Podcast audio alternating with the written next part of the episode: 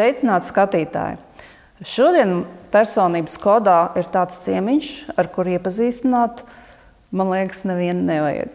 Pietiks tikai paskatīties. Sveicināti, prezidents Kungs. Liels uh, prieks, uh, ka jūs atradāt uh, laiku ar mums satikties, jo nebija nemaz tik vienkārši sarunāt. Jums arī tagad ir ļoti saspringts grafiks. Ko jūs darat tagad? Kā jums klājas?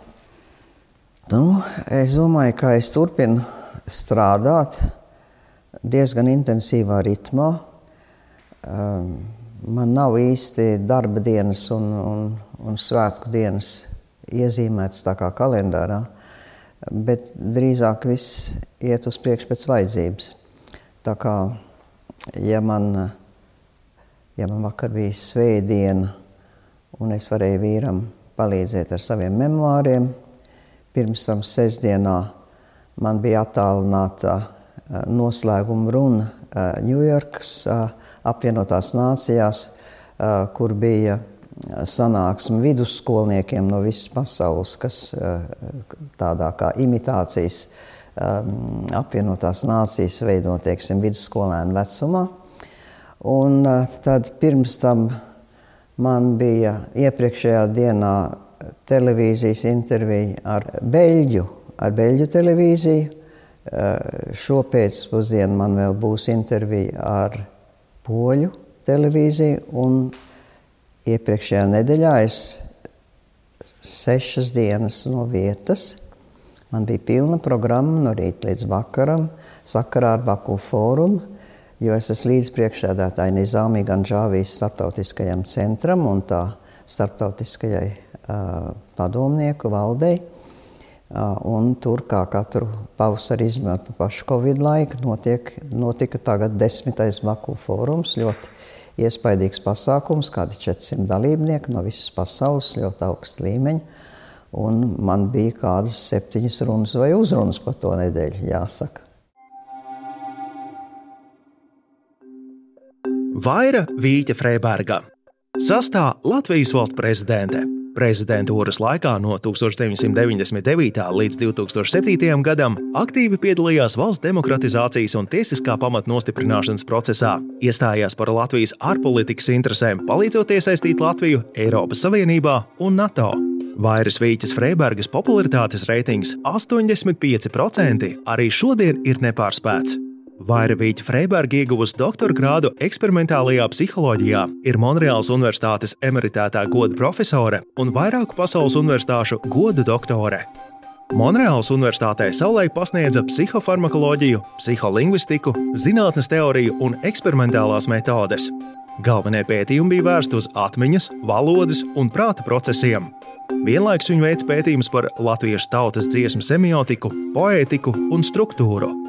Latviešu sabiedrībā Vairvīķa Freiberga darbojās kopš 1957. gada kā audzinātāja jaunatnes nometnēs, folkloras speciāliste un domātāja par latviskās identitātes un tautas izdzīvošanas jautājumiem, kā arī par Baltijas valstu politisko nākotni. Doktore Vīķa Freiberga aktīvi piedalījusies un guvusi plašu administratīvā darba pieredzi dažādās Kanādas valdības akadēmisko nevalstisko organizāciju, kā arī starptautisko zinātnisko organizāciju vadībā. Saņēmusi daudz apbalvojumu par izciliem sasniegumiem humanitārajās un sabiedriskajās zinātnēs. Kopš 1960. gada jūlija precējusies ar Imantu Freibergu, kurš līdz 1999. gadam bija informātikas profesors Kvebekas Universitātē Monreālā. Freibergiem ir divi bērni. Sajiet, kur jūs ņemat to enerģiju?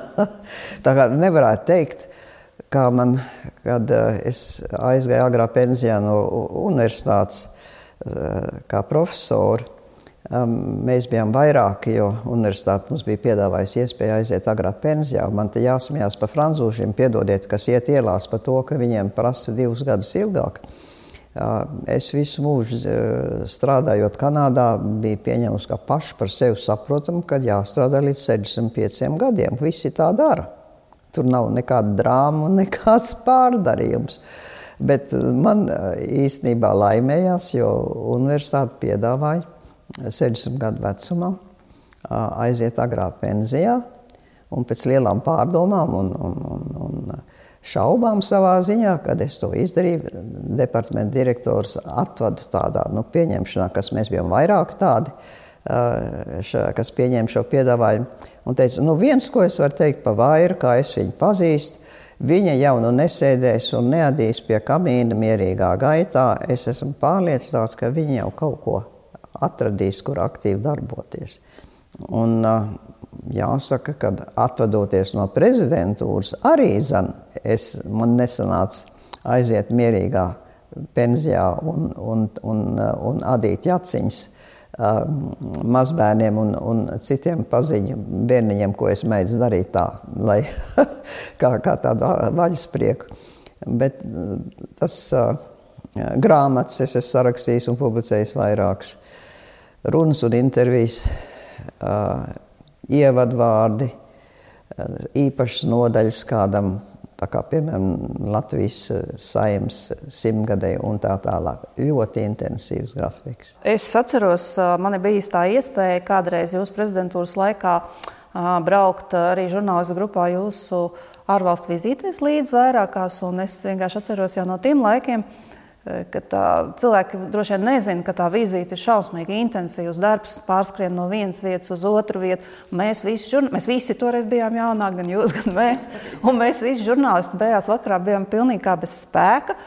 Un domājam, kā vēl nākošā dienā, bet jūs kā no rīta iznācāt tāda skaista, tā jūs vakarā vēl gājāt uz pieņemšanu, un pa starp jūs teicāt brīnišķīgas runas, un, un mēs vienkārši toreiz jūs tiešām apbrīnojam par to. Tas, man liekas, katram cilvēkam tāda enerģija tomēr nav dota. Mums ir eh, bijuši gadījumi toreiz prezidentūras laikā, kā pēc vienas šādas vizītes eh, žurnālists teica, tas ir pa grūti, es jums vairs līdzi nebraucu. Jā, jo tas tiešām tas tāds ritms, un es atceros jūs, jūsu uzstāšanās eh, Upsals universitātē, manuprāt, bija Tas bija viena no tām reizēm, kad es tiešām jūtu tādu lepnumu par, par mūsu valsti, jo jūs brīnišķīgi runājāt, un viss tā liela auditorija bija tas, kā viņi reaģēja.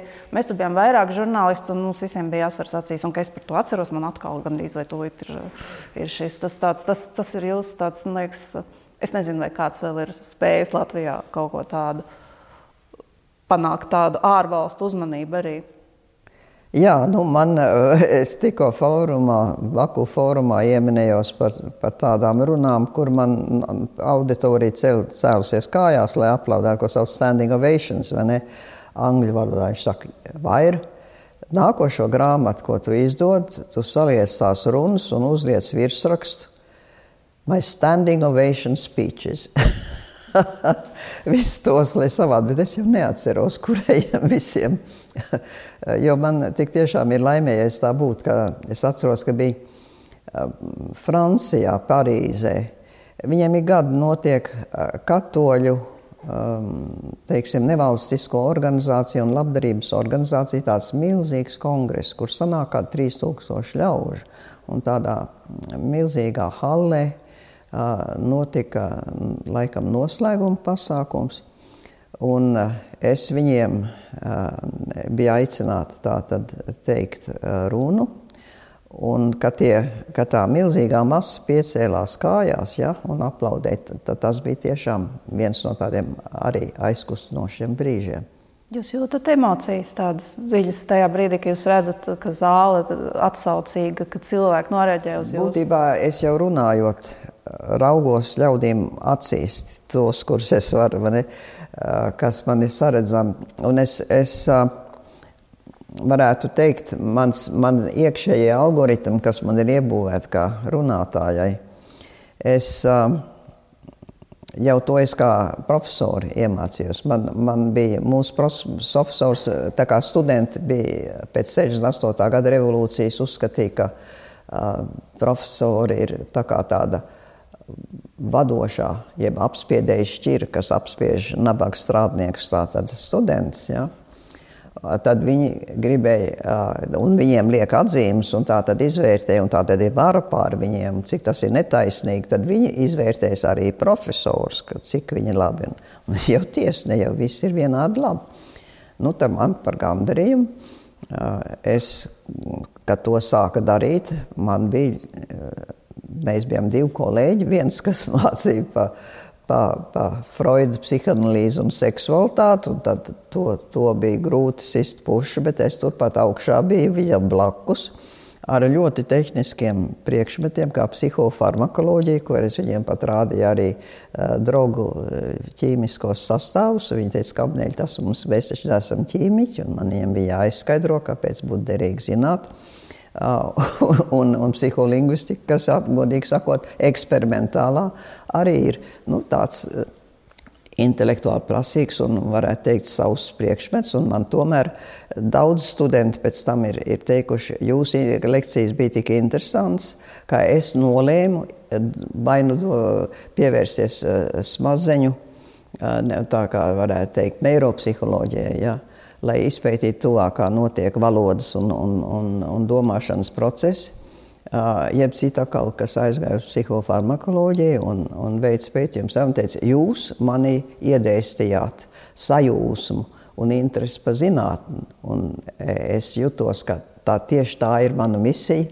Un man bija vienmēr ļoti liels prieks, kad es kaut kur apciemojot, ka es biju zinātnes padomē viceprezidents un apciemoju dažādas pētniecības institūcijas, ka man uh, kaut kur starp institūtu darbiniekiem kāds pienāk klāt. Es kādreiz sakoju jūsu lekcijām bakalaura līmenī, un, ziniet, jūs manī iedēstījāt mīlestību pret pētniecību. Man tas bija liels prieks un gandarījums. Bet sakiet, jūsu, jūsu grāts, akadēmiskais un jūsu šī pieredze, tā tomēr arī ir palīdzējusi komunikācijā cilvēkiem vien tīri. Nu jā, trīs un trīs gadus uh, lasīt lekcijas, vai ne? Un, uh, arī sarunas ar, doktor, ar doktorantiem un, un maģistrantiem bija semināri. Un tie atkal mani mudināja, kā lai to saka, interesēties, prasīt no katra semināra līdzdarbnieka viņu aktivizēt, lai viņš pats aktīvi sāk pētīt un, un, un, un nāk ar saviem viedokļiem un, un mācās, kā viņus sakarīgi izteikt un tā tālāk. Un, ziniet, tādas sarunas ar doktorantu par to, ko viņš grasās, ja viņa darās, grasās darīt ar savu, savu diplomu, kas, kā zināms, prasīs vairāk gadu smagu darbu. Vēlāk man kā prezidentei bija tikšanās ar ministriem, kas, teiksim, mainās valdība, jauns ministrs stājās amatā, viņam tagad būs jārūpējas, piemēram, par veselības nozari, par izglītības nozari. Man ar viņu tiekoties, varētu teikt, ka man jau bija pieredze, kā uh, savā ziņā vispirms uh, veicināt, lai cilvēks man izstāsta, kas, ko viņš dara un, un kāpēc un ko viņš plāno un arī varbūt viņu uzmundrināt, jeb, jeb, jeb prasīt viņam tādus jautājumus, kas, kas viņam pievērš uzmanību uz to, kur viņam, viņam būtu jāpievērš uzmanība, ne, bet, bet delikātā veidā. Un, redziet, cilvēks jau nenokrīt no mēneša, ka viņu ievēlē par prezidentu. Viņš nāk līdzi ar to, ko savā mūžā līdz tam brīdim ir piedzīvojis. Nu, man tā sagadījās, es konstatēju ar lielu atvieglojumu, ka daudz kas, ko es savā mūžā ļoti raibu un dažādi esmu piedzīvojis, man ir devis tādu pieredzi, kas ir ļoti noderīga un ko es varu izmantot savā ikdienas darbā kā prezidents, kas ir ļoti daudzpusīgs, daudz šaitnains, bet man ir bijis raiba un daudz šaitnaina dzīve, un tas viss tā tad noderēja. Cik jums bija gadi, kad jūs kļuvāt par prezidentu, ja drīkst tā vai 61. Es uh, atbraucu uz Latviju uh, tātad pēc šīs agrās pensijas. Ja. Uh, domāju, jā, tagad es varu sākt jaunu karjeru, nodibināt Latvijas institūtu. Tur tas bija pilnīgi no nekā ne, uzceļams. Un, un tikpat gatavi es biju arī kādiem citiem izaicinājumiem. Un tā kā sākās pilnīgi jauns, nebija Es nevarēju ne braukt uz vasarnīcu un likt puzles un, un, un, un, un kārtot puķus eh, vāzēs, vai ne? Bet, jo ikebānā man arī interesē. Uh, bet vienkārši eh, pie tāda nu, intensīva darba ķerties, uh, kas, bija, kas bija liels izaicinājums, bet arī tajā pašā laikā, kad, nu, kad izdevās to izaicinājumu, ne, to, uz viņu reaģēt un, un adekvāti reaģēt, tas ir liels gandarījums. Drīzāk nekā sēdēt ar rokām klēpī un vaidēt, ak, Dievs, mana jaunība skaistā, kur viņa palikusi. Runāt par to skaisto jaunību, vai jums kādreiz jūs bijāt izglītota, skaista, tāda pašpārliecināta sieviete, vai jums kādreiz vispār bija ienācis prātā, ka jūs varētu kļūt par valsts prezidentu? Man jau no sākot ar 80. gadu sākumu, kad es tiku ielūgta teikt runas eh, dažādos trims latviešu pasākumos. Uh, Amerikas Savienotās valstīs, bet es arī man bija vairākas turnīras par Austrāliju, Eiropā, piemēram, bija Latviešu jaunatnes kongress kaut kādā 72. gadā, jeb 3. kaut kas tāds. Es braucu regulāri uz Stokholmu, uz uh, Baltu kongresiem un tam līdzīgi. Un es atceros, ka man bija kaut kāds, laikam, Amerikas Latviešu jaunatnes apvienības kongress Čikāgā. Un tur es teicu, runu, un arī dabūju nu, tādu stipru jūsmīgu reakciju no, no publikas. Un man pienāca klāt vietējais tā, jaunatnes pulciņa priekšsēdētājs un teica, nu zini ko, Vaira, nu tev jau ir gan laikam visas dotības, lai, lai, lai būtu par, par politiķi un, par, un kaut vai par prezidentu. Un es teicu, jā, vai tev kādi iebildumi? Viņš to tā teica, tā tādā pārmetošā tonī. Es saku, nu, nu, varbūt viņam tik jūsmīga reakcija nebija no sava pulka. Es nezinu, tas bija no visas Amerikas sabraukuši jaunieši. Un viņš man saka, nu, tu jau varētu būt kaut vai prezidents. Es saku, jā, nu, būtu mums valsts. Tad jau es varētu uz tā kaut ko tēmēt, bet nu nav mums sava valsts. Un Kanādā es, es ap, apzinos, ka Ehm, manā jaunībā tur bija tā, vai nu tu esi dzimis no eh, tīrasiņa franču kanādiešiem daudzās paudzēs, vai nu no tīrasiņa skotiem, angļiem. Nosacīti īriem, drīzāk skotiem un angļiem. Un citiem izredzes tālu tikt politikā nebija. Tas vēlāk mainījās jau uz maniem pēdējiem gadiem Kanādā jau bija mainījies, bet teiksim, manos jaunības gados, kad es orientējos, uz ko dzīvē gribu sasniegt, e, es e, redzēju, ka jaunkanādietim tā laika Kanādas politikā tālu tikt nebija lemts. Tas tāds vēlāk.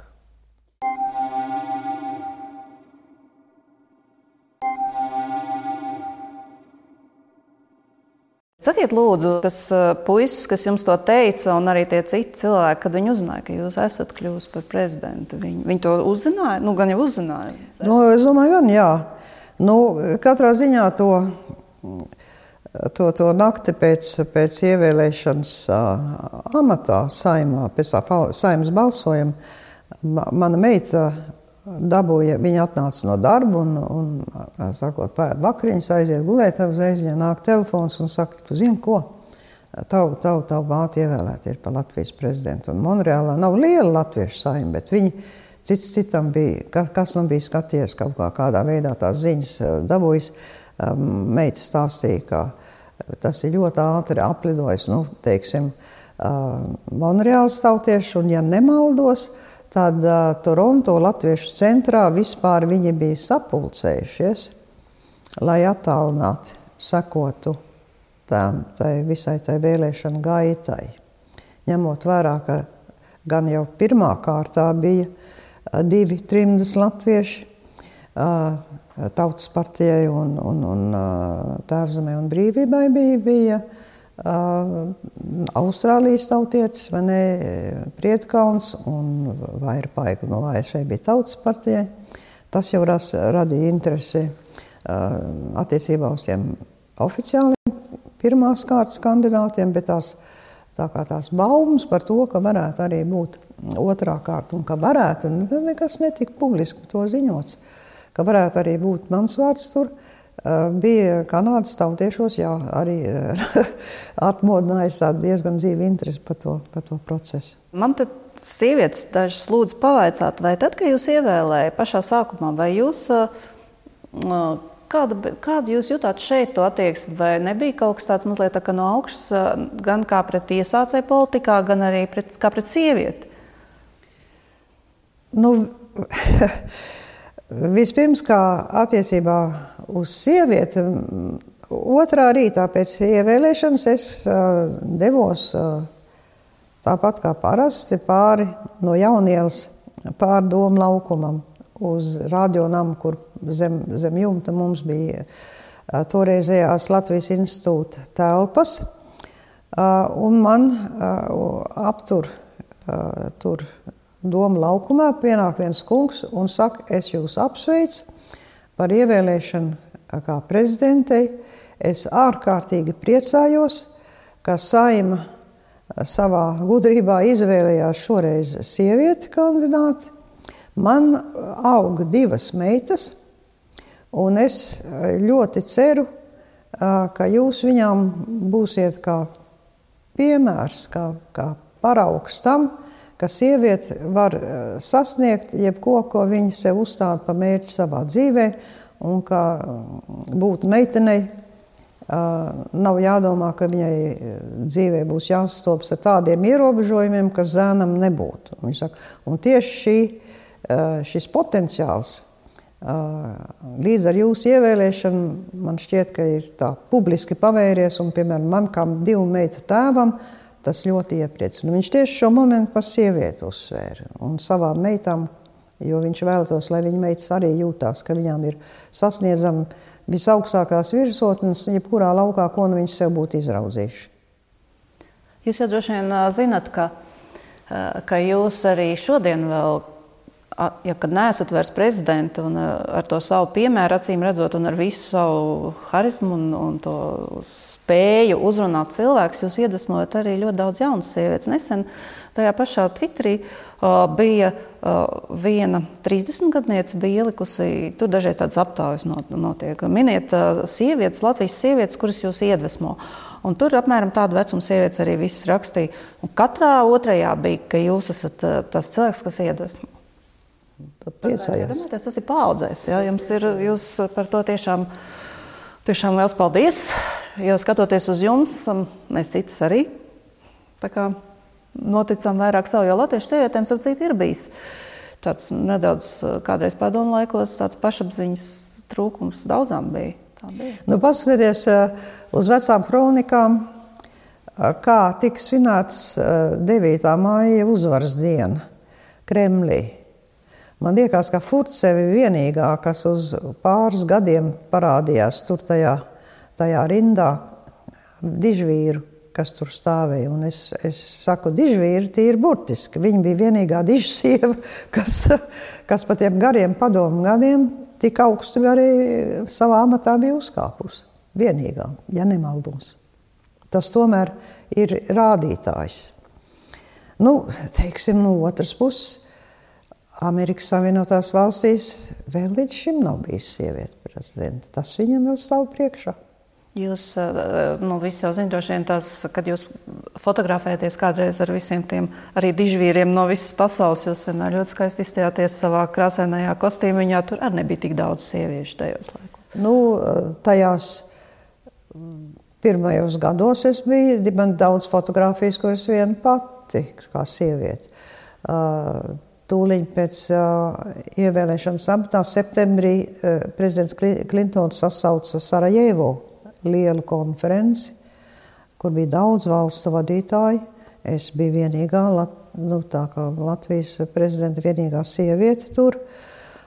Uh, tad prezidents Kučmas sasauca Jaltā, Baltās, Baltijas un Melnās jūras valstu prezidents un, un arī citus viesus no Kaukās un tā tālāk. Tādu konferenci, un tur arī es biju starp visiem valsts galvām vienīgā sieviete, kas, kas radīja dažu vienu otru amizantu detaļu, ko šobrīd nevaram izklāstīt. Un, un, tas gāja, nu, piemēram, NATO paplašanāšanās. Kad uh, Prāgā kongresā bija NATO paplašās, es arī biju vienīgā sieviete valsts galva no, no NATO valstīm. Sakiet, tagad atgriežoties pie tā laika, kad jūs bijāt prezidents, kas, kas ir palicis jums pašai visspilgtāk atmiņā? Tā, nu, visspilgtāk un, un visnozīmīgāk varbūt. Kā? Nu, man laimējās, ka tur man ir, kā sakot, vesels vazums ar, ar atmiņām, kas ir ļoti nozīmīgas un, un, un svarīgas. Un, uh, spēj tikai tagad, kuru ņemt un kuru atcerēties. Es domāju, pat atvadīšanās, kas notika Dainu kalnā, uh, kur spontāni visa tauta atnesa man ziedus un noklāja visu no, kā sakot, nogāzi uh, Dainu parkā tamdēļ, kā saimas priekšsēdētājs, pēc tam, kad bija teikusi savu atvadu runu saimai, pēc astoņu gadu darba, es ilgāk nostrādājos kā Latvijas prezidents, kā līdz šim vēl jebkura persona. Ja? Un viņš nepateica man paldies prezidents kundze par šo runu. Viņam prātā neienāca pateikt paldies par tiem astoņiem gadiem, ko es veltīju valsts darbam, un kur nu vēl kādu puķīti pasniegt. Bet Emša kungs, toreizējais saimnes priekšsēdētājs,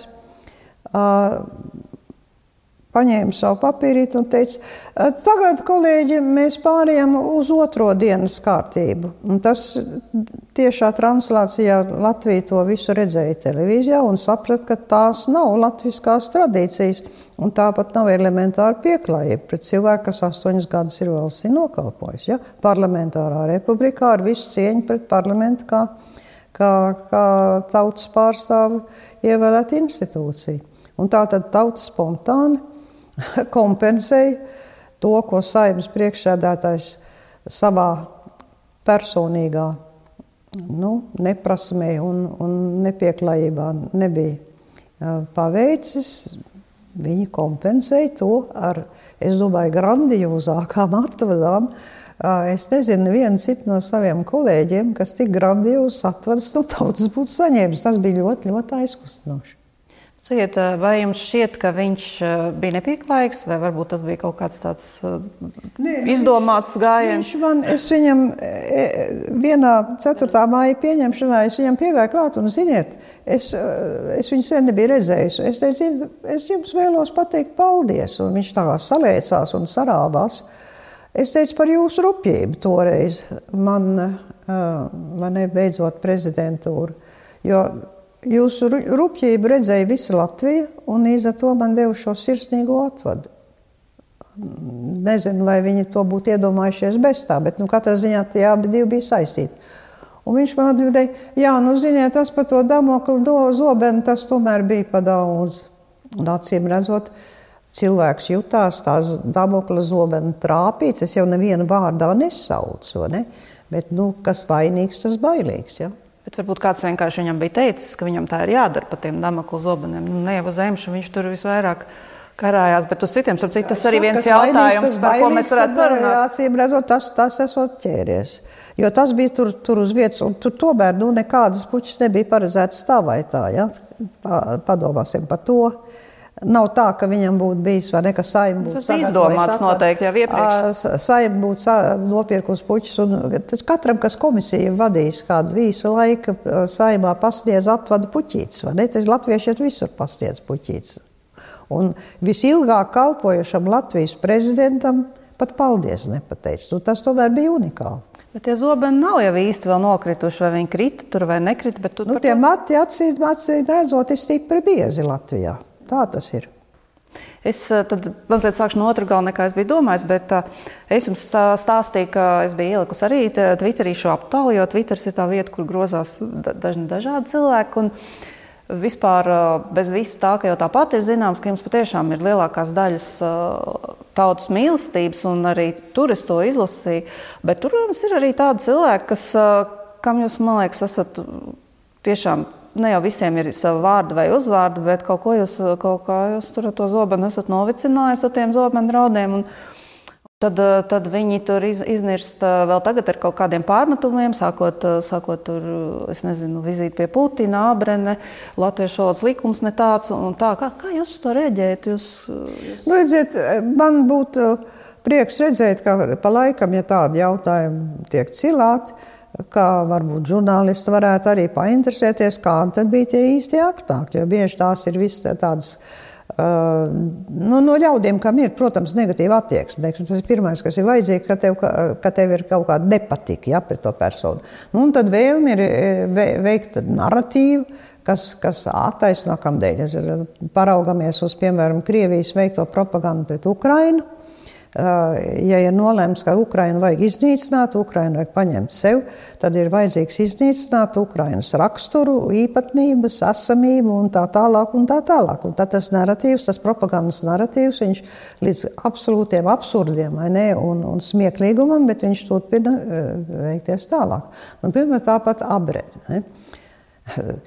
Latvijas prezidents neviens Pēc mūsu satversmes nekādu zemes gabalu nevienam nevar atdāvināt. Kārlis Ulmans dāvināja, piemēram, rakstniekiem, Kārlim Skalbem, saulrietus un, un, un, un, un tam šo un to un citu. Pēc mūsu demokrātiskās satversmes prezidents ne, ne, ne centimetru zemes Latvijas nevienam uzdāvināt nevar, ne savam tautietim, ne kādai citai zemē, kas attiecās uz Latvijas robežām. Ja? Tad, protams, Latvijai bija ļoti būtiski kā kandidātu valstī NATO sevi prezentēt kā tādu, kam nav robežu strīda ar saviem kaimiņiem. Jo, ja mums būtu bijis aktuāls robežu strīds ar savu kaimiņu, tad mēs automātiski būtu bijuši tikuši izslēgti no reālo kandidātu saimnes. Un Latvijai tobrīd, saprotot, ka šis bija šī sprauga, kas 2004. gadā pastāvēja ar šo lielo paplašināšanās vilni, mums tur bija jātiek iekšā, lai mēs varētu tikt uzņemti vispār aplūkoti kā reāli kandidāti. Ja? Tas bija tik būtiski, ka jau 1995. gadā es tos dokumentus sameklēju valdība ar uh, premjera Gunta Krasta kā premjera parakstu deklarēja savu gatavību atteikties no Abrenes teritorijas, ja nebūtu iespējams sarunu veidā pierunāt Krieviju mums to atstāt. Un Krievija, protams, to noraidīja, un mums tad bija izvēle riskēt palikt ārpus NATO vai palikt Eh, atsacīties no šīs teritorijas, kas īstenībā mums nekāda liela labuma nedeva. Bet tas nebija prezidenta lēmums. Tas jau bija, man ievēlēja 99. gadā, un jau 95. gadā Krasta kungs to jau bija parakstījis, un vēlāk Kalvīša kungs kā premjeras aizbrauca uz Maskavu un parakstīja mūsu teiksim, robežu līgumu ar Krieviju. Un labi darīt, pīļie tautieši, ja mēs nebūtu šodien NATO, mēs dzīvotu ļoti nopietnā riska situācijā. Diemžēl stipri līdzīgai tai, kāda valda Ukrainā. Bet nu, galvenais, kā es saku, Tie ir valdības lēmumi, tie ir izpildu varas lēmumi. Un tiem ar prezidentiem, kā varētu teikt, sakara pat nav. Nav prezidentam tāda vara šajos. Latvijā Protams, nav tāda. Es, es atbalstīju pilnībā, un, jo man kā uh, valsts uh, pārstāvim uh, samitos un tā tālāk bija jāprezentē Latvijas pozīcija, un es, es, es uh, argumentēju balstoties uz mūsu izpildvaras pieņemtiem lēmumiem un viņa apņēmības, kad jā, mēs esam pat gatavi uz šo upuri, daļu savas teritorijas zaudēt Krievijas sliktās gribas dēļ, bet mums ir ļoti, ļoti svarīgi, lai mums nebūtu nekādu teritoriālu strīdu ar saviem kaimiņiem, un ka mēs ienākot NATO aliansē neradītu jau momentānus, teiksim, jau potenciālus strīdus, ābolus, uh, kas tad piespiestu mūsu partnerus iejaukties un, un, un pavēlti cīnīties un nekt tam dēļ, ka mēs neesam spējuši risināt savus attiecības ar saviem kaimiņiem. Tāda apmēram bija tā nostāja. Kāpēc jums, kā jums šķiet, kāpēc to pārmet tieši jums, jo visi taču apmēram zina, kādas, kādas tiesības un vārai prezidentam? no tādas kampaņas, kad, kad tika konstatēts, ka es kļūstu daudz populāra tautā. Un ka, Nu, varēja redzēt, ka notiek kampaņa lai meklētu ar, ar, ar palielināmo stiklu, neskatītos, ko varētu. Un es domāju, es vienmēr domāju, nu, man tīri sirdsapziņa, man taču neko nevarēs pārmest. Tas, tas ir naivi, naivi, naivi. Ja? Saprotiet, cilvēkam, ja ir nolēmts, ka viņam vajag viņu nomelnot, nu, muša lido pa gaisu, un mēs varam viņu pataisīt pa zilonu. Ne? Nu, un viss, ko var. Un tur, tur bija politiskā vēlme, un man ir tekstuāli tas apstiprināts no, no, no dažu politiķu puses, ka jā, nu, šī prezidenta kļuva pa daudz, pa daudz aktīva, iekšzemē arī, ne tikai ārzemēs. Ārzemēs visi bija apmierināti ar manu aktivitāti. Neviens no premjeriem man neko un politiķiem nav nekad pārmetis, jo viņi saprata, ka tas, ko es daru, ir tieši, kā sakot, naglai uz galvas tas, kas Latvijai tajā brīdī ir vajadzīgs. Bet, kad es sāku Nu, piemēram, par mūsu tiesu sistēmu, par mūsu policijas iecirkļiem, kādi viņi izstāsta. Aizgāju uz robežu un konstatēju, ka robežsargi pēc tam sūdzījās, ka mani e, pavadoņi ir baltu diegu saplēsuši, kas, kas mums kalpoja par robežzīmi, saprotam, piedošanu. Tur bija liela krūma, dundura un izvilks balts diegs, kā, kā lai, nu, ja tas būtu pāraudzis, tad it kā kāds būtu pārgājis robežu. Nu, tas bija groteski vispār, kā tā situācija, un es vēlējos viņu to parādīt, kāda viņa ir. Tā pašā laikā tur blakus bija milzīgas, dārgas villas, kas, ko man teica, ka kāds robežu sardzes nu, augststāvošs amatpersona, esot uh, uzcēlus tam dēļ, ka māmiņa viņam pagrabā siventiņu audzinot, un, un, un, un, un, un, un tādā garā. Es domāju, tas Varbūt jūs mazliet ar to savu personību nojaucāt to ieceri, ka būs, būs uh, gudra sieviete, kas skaisti iztīsies ārzemēs, labi runās valodās un, un nemaisīsies, kur nevajag. Stāvēs pie ratiem un nekur nebāzīs degunu, kur nevajag. Ja? Nu, tā bija tā cerība. Ļoti labi, ka jūs nestāvējāt pie ratiem. Tad man jautājums, bet prezidentūras laikā nu, mēs īsti kļūdāmies. Gan jau jums arī kaut kādas kļūdas ir bijušas, un ko jūs varbūt darītu savādāk šodien? bija viena tāda situācija, ka eh, bija sapulcējušies eh, pensionāri, tāds bars, tāds acīm redzot, satracināti kaut kādā jautājumā, netālu no brīvības pieminekļa vienā marta mēnesī. Un mēs, mēs tikko bijām beiguši vienu, vienu pasākumu, un es saku, ko tie cilvēki tur kaut ko tur, tur tāda ažiotāža. Nu, man kā prezidentam varbūt vajadzētu iet un ar viņiem aprunāties. Un uh, mana mana padomniece un, un preses centra vadītāja teica, Prezidents Kungs, man šķiet, šie cilvēki ir pa daudz uzvilkti un, un pa daudz emocionāli. Neiet viņiem klāt, lai, lai, lai viņi nomierinās, un, un ja kas, kas nu, tur viņus, viņam tā raize būtu, kādā citā reizē ar viņu aprunāt. Un es tajā brīdī kaut kas, kaut kas manī tā kā saspītējās un teicu, nu, paga, paga, paga. Nu, man taču nav bailes, Man taču nav bailes to, no, no pensionāriem. Es, es, es iešu ar viņiem aprunāties. Taču prasa, lai, nu, lai valsts galva būtu vienmēr tautai pieejams. Un tad es, tad es, kad es piegāju pie tiem pensionāriem, viņi tiešām bija tik ārkārtīgi dusmīgi un tik ļoti satricināti. Un uz melu pamatu, ko, kas viņiem bija sastāstīti, viņiem bija sastāstīti balti meli attiecībā arī uz mani. Un, kad es viņam mēģināju to izskaidrot, Es saprotu, ka viņi tā kliedz un brēc uz mani un tam līdzīgi. Un, un es sapratu, man vajadzēja klausīt savai padomniecei, kas teica, pie satracinātiem pensionāriem nevajag iet klāt, jo viņiem pa priekšu jānomierinās, lai ar viņiem varētu sarunāties. Tas, man liekas, vispār attiecas uz satracinātiem cilvēkiem, tāpat arī tos kaut kādas ļoti tādas pusnaidīgs jautājums, lasot arī šķiet, ka cilvēkam vairāk interesē pateikt tas, ko viņš grib pateikt, nevis tas, ko jūs viņam atbildat. Jā, tajā, ja tajā es, es tā sapratu, ne, ka lai cik tu būtu atvērts un sirsnīgs un, un, un simpatizējošs viņam, jā, un ko, bet ja cilvēks ir atradāts un viņam galvenokārt viņam sastāstīt kaut kāda meli, kas viņi satracinājuši, Tad tajā brīdī domāt ar racionālo prātu tos atspēkot bezcerīgi. Nu, ne, nav iespējams.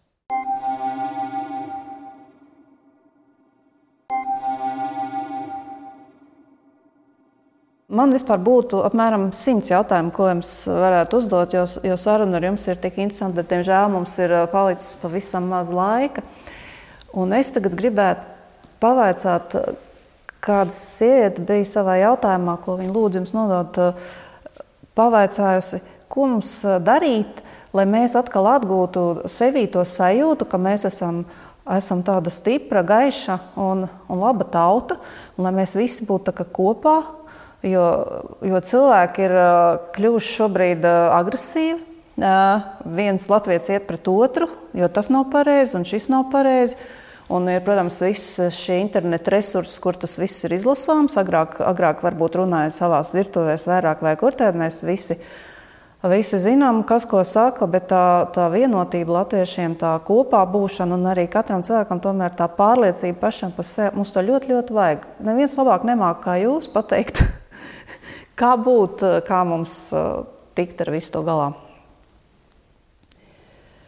Mēs esam ieguvuši savu neatkarību, savu brīvību un spējis tiešām izvēlēties, ko mēs dzīvē darām, kā darām, un, un izvirzīt mērķus, kurus reāli varam cerēt arī sasniegt.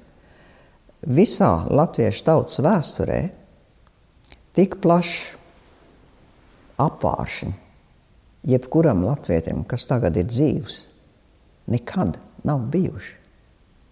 Nekad mūsu vēsturē nav bijis tik labvēlīgs laiks, cilvēkiem sasniegt sava mūža laikā to, kas viņa sirdī ir aicinājums, un, un to, kur, ko, ko darot, viņi jūtās labi un savā pareizā vietā. Bet mums ir arī, protams, pasaule visapkārt, kurā ik pa laikam, ik pa laikam uzplaukst draudi, dažādi veidi draudi. Un es pieņemu, ka Tāds vienkārši ir cilvēka liktenis. Ja? Mēs nevaram cerēt, ka būs miers, saticība, pārticība. Uh, mūžīgi mūžos tā varbūt būs paradīzē, bet, bet šeit uz zemes acīm redzot, tas tā nav lemts. Un te tikai paraugoties netālu pāri savām robežām uz kas, tām šausmām, kas nu jau gada, vairāk kā gadu notiek Ukrajinā, mēs saprotam, ka dzīve ir un paliek izaicinājums. Mums ir jāpriecājas par katru dienu, kas mums ir dot, ka mums, ja kā manā bērnībā, es atceros, kad, kad tev krīt bumbas uz galvas, un tu gaidi katru nākošo svilpodam, kas nāk lejā. Kritīs vai nē, tev uz galvas vai kaimiņam, ja tā tā izvēle. Dzīvot pagrabā, nedēļām ilgi, mēnešiem ilgi. Ne.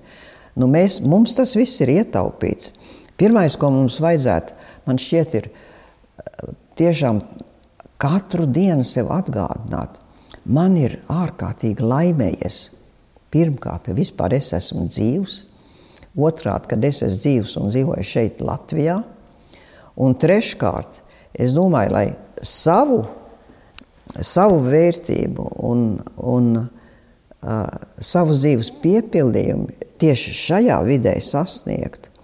Tas ir iespējams, ja tu gan cieni pats sevi kā individu. Un vienalga, ko tev mamma, vecā mamma, jeb kaimiņa puika, jeb kas ir teicis un mēģinājis tev nomēlot, ja tu var, nav nonācis kontaktā ar savu iekšējo sirdsapziņu, kas tev saka, tu esi vērtīgs kā pašvērtība, kā cilvēks. Es katram te ir vajadzīga kaut kāda, varbūt, ja, ja tas nenāk dabiski, kaut kāda vingrinājuma, tā kā šeit, piemēram, tiek mācīta garīgie vingrinājumi, un tā tie ļoti nāk pa labu. Un cilvēkam, ja viņam nav mīlestība pret savu tautu un savu zemi, tad varbūt viņam viņa jāmācās dziesmu svētkos, ja, ja tu jūties, ka te kaut kas brīnišķīgs notiek, ka te kaut kas notiek ļoti skaists. Un man tas pieder, tas ir mans mantojums. Un es esmu daļa no tā, vai nu es stāvu korī, vai sēžu uh, starp klausītājiem. Bet tas ir mans mantojums, tas man pieder. Lasīt blaumani, lasīt kaut ko, kādu arī elksniņu, kādu zvejnieku, kas māra zālīt, kas tev iedvesmo. Jauniem, jaunos zvejniekus. Savā sirdī ir jākultivē pateicība un mīlestība. Un tad pārējais nāk, teiksim, varētu teikt, ierīkojās savā vietā, un tu redz, kurā, kurā vietā tev ir jāpievērš uzmanība savā dzīvē, un kur tev pašam savu domāšanu varbūt ir. Es teiktu tā, cilvēkam ir jābūt un jāklausās uz savu sirdi un uz savām domām, un uh, pēc iespējas jācenšas arī uzklausīt citus. Tā skaitā es ļoti ieteiktu visiem klasiķus latviešu lasīt. Sākot ar Poruku un Blaumanu, varbūt daudziem skolā viņš ir mācīts tā kā, kā viņi to uzskatīja, ka tā kā tādu uh, rūktu kumos, kas jānorīja, bet tur ir ļoti aizkustinoši. Es domāju, es iemīlēju latviešu tautu, lasot Blaumanu un Poruku un, un, un, un Dainas, un redzot, cik šie mani priekšteči, un arī raugoties saviem vecākiem, ko es no agrā bērnībā, ko es redzēju, cik viņiem grūti bija gājis, un cik viņi tomēr varēja būt jauki cilvēki, un cik viņi varēja visu to pārvarēt. Es domāju, mums ir daudz kas dots, un mums daudz kas arī draud. Nenoliedzam. Pandēmijas, agresīva kaimiņa, banku krīzes, viss iespējamais. Tā vienmēr ir bijis un tā vienmēr būs. Bet pašiem savu iekšējo, garīgo spēku samanīt, saklausīt, izjust, tas ir tas, kas palīdz dzīvē iet uz priekšu. Neviens jums spēku ar karoti mutē neielies. Tas nemaz nav iespējams. Ja man te būtu spēka dzird, tā kā pasakās, un es jums saku, jūs izdariet no šīs glāzes, jums spēks pavairosies. Izdariet no tās glāzes, no tā trauka, un, un spēks mazināsies. Tā tas nedarbojas. Tā tas darbojas tikai pasakās. Tas spēks ir cilvēkam sirdī un prātā. Nekur citur un pašam viņš jāatrod. Bet ir jā, ļaudis, kas palīdz to atslēgu atrast. Es, piemēram, es biju UNESCO tādā grupā par izglītības nākotni. Mēs tur informāli Parīzē pirmoreiz tiekoties pirms pandēmijas, sākam runāt, kāpēc mēs interesējamies par izglītību. Un es sāku teikt, man ārkārtīgi interesē vēsture, jo man bija brīnišķīgi vēstures skolotāji. Un es kaut ko vēl teicu, man, man ārkārtīgi interesē dzēja, jo man bija brīnišķīgi franču valodas skolotāji. Un tad mēs, mēs sākam, man viens kolēģis saka, klausiet, viņš saka, pakausies, vai ir izklausās, ka tev bija ārkārtīgi daudz brīnišķīgu skolotāju. Bet nu, tā es vismaz jūtos, ka, ka viņi, viņi ar savu sajūsmu To pieripināja arī man. Es domāju, ar patriotismu ir tāpatās. Ja mēs dziesmu svētkos redzam šos cilvēkus, kas ir ielikuši milzu pūles, lai nonāktu tur uz estrādes un tur to repertuāru nodziedātu un tik skaisti savā tautas starpā saģērbtos un tik skaistu vainagu novītu, tad es domāju, tā mums noteikti, noteikti ir iedvesma. Ja? Tas ir, e, tā ir tā karotīta gan, kas varbūt sirdī ielēja to spēku, ko citādi cilvēks nejūt. Paldies! Tiešām bija ļoti, ļoti, ļoti liels prieks ar jums runāt. Žēl, ka mums vairāk nav laika, un jums nav laika. Jūs steidzaties tālāk, jo jūs esat ļoti aizņemts cilvēks. Tā nav. Jā, pieņemsim, ka tā ir spēka dzirsta. Tas ir viens no garīgiem vingrinājumiem. Jūs no rīta uzceļaties un šitā savu, savu enerģētiku ne, turiet tādā veidā, lai tam ūdenim pāriet enerģija un, un mazliet uz viņu koncentrēties un, un to glāzīt izdzert no rīta. Vispār ūdeni dzert ir veselīgi un, un tā. Šitā savas enerģijas nodošana tam ūdenim var pamēģināt. Bet ja tās enerģijas nav tajā brīdī, kā, ko tad nodod? Nu redziet, tad jau pēc tam var vērot, kas notiek.